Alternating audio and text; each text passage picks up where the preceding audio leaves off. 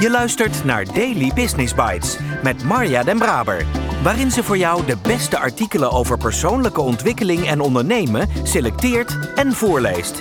Elke dag in minder dan 10 minuten. Dit is jouw Daily Business Bite, aflevering 7.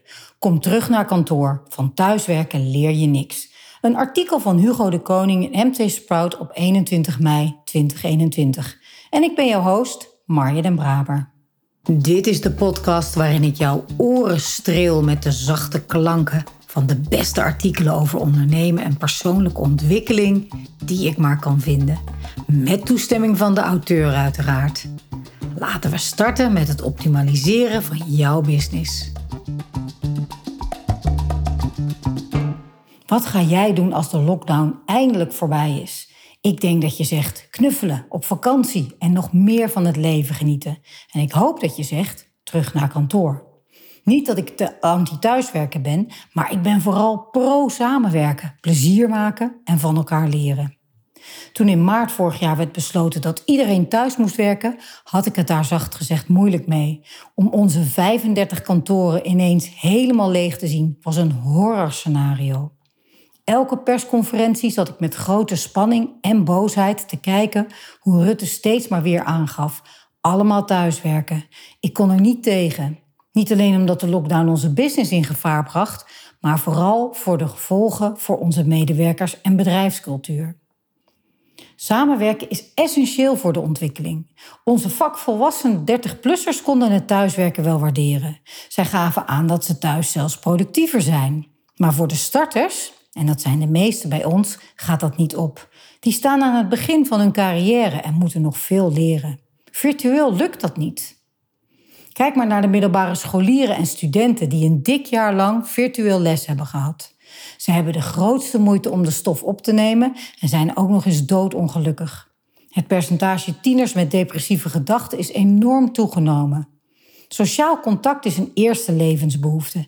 Er moet ruimte zijn om samen te komen en van elkaar te leren. Dat is essentieel voor de ontwikkeling.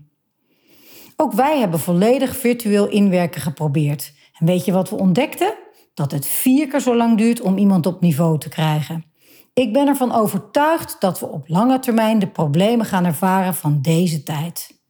Virtueel ingewerkte medewerkers zijn ongelukkiger en minder betrokken. Dat kan leiden tot verzuim, verloop en verminderde prestaties. Kortom, hogere kosten en ontevreden klanten.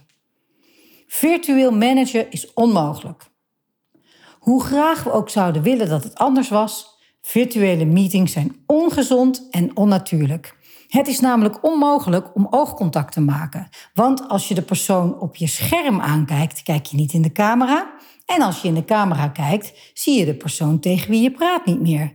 Bizar feitje, toch? We halen veel informatie uit non-verbale communicatie, maar virtueel krijg je die niet mee. Als manager is het daarom super moeilijk om te zien wat iemand nodig heeft. Andersom geldt hetzelfde. Je hebt fysieke aanwezigheid nodig om goed aan te voelen wat er van je verwacht wordt. Bovendien krijg je gewoon energie van elkaar als je fysiek aanwezig bent. Ik kan er dan ook niet bij dat er nog bestuurders in Nederland zijn die hele dagen thuis zitten en het bedrijf op deze manier leiden. Prima voor even, maar als je een goede leider wilt zijn, moet je je team af en toe in de ogen kijken. Jonge mensen missen het contact. Young Capital is een jong bedrijf. De overgrote meerderheid van onze medewerkers is ergens in de twintig. Ze wonen op kamers of hebben een klein appartementje. En hun sociale contacten bevinden zich buitenshuis. Als alles buitenshuis wegvalt, hebben ze geen sociaal contact over, terwijl dat voor hen essentieel is om te kunnen functioneren. Vanaf de start van de lockdown hebben wij dan ook meteen geïnvesteerd in maatregelen die het mogelijk maakten om de kantoren weer te openen. Uiteraard was niemand verplicht om te komen, maar de intekenlijsten liepen in no time vol. En nu, een dik jaar later, is dat nog steeds zo. Ik vind het bizar dat de grote corporates al bijna anderhalf jaar volledig thuiswerken. Doen ze dat omdat ze het goede voorbeeld willen geven en willen luisteren naar de minister? Of is het angst voor interne discussies, imagoschade en baanverlies? Maar wat het ook is, ze doen het niet voor hun jonge medewerkers. Hoe ziet de toekomst eruit? Nu de wereld langzaam weer open gaat, ben ik benieuwd wat het bedrijfsleven gaat doen. Gaan wij terug naar hoe het was of, of is thuiswerken de nieuwe norm geworden?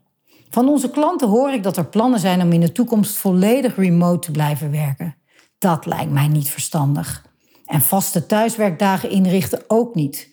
Straks heb je een bedrijf waar iedereen op maandag en vrijdag thuiswerkt en dinsdag en donderdag op kantoor is en verlies je de flexibiliteit. En die is juist zo belangrijk in deze tijden van disruptie. Ik hoop dat werkgevend Nederland hun medewerkers laat kiezen. En dat medewerkers weer zin hebben om samen te komen. Samen ideeën bedenken, samen plezier maken en slap ouwe hoeren bij de koffieautomaat. Ben ik anti-thuiswerken?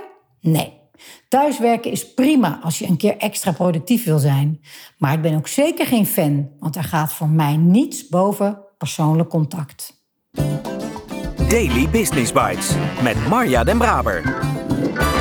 Je luisterde naar Kom terug naar kantoor. Van thuiswerken leer je niks van Hugo de Koning. Wat heerlijk dat Hugo zulke duidelijke stellingen neerlegt. Virtueel managen is onmogelijk.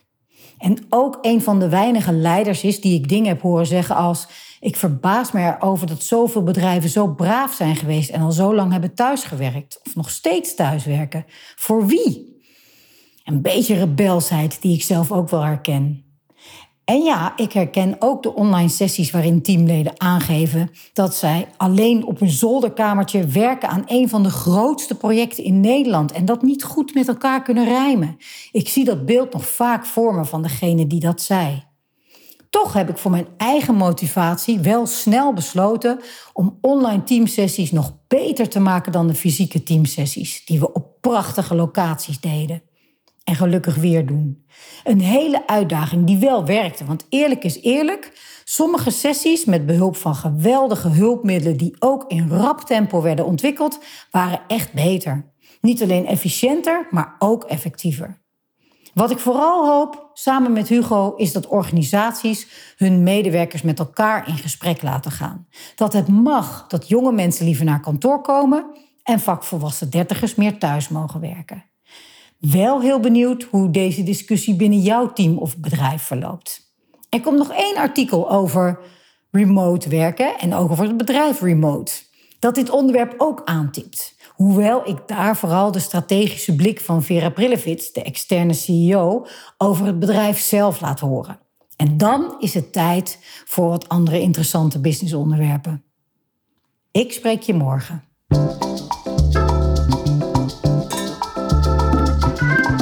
Was Daily Business Bites.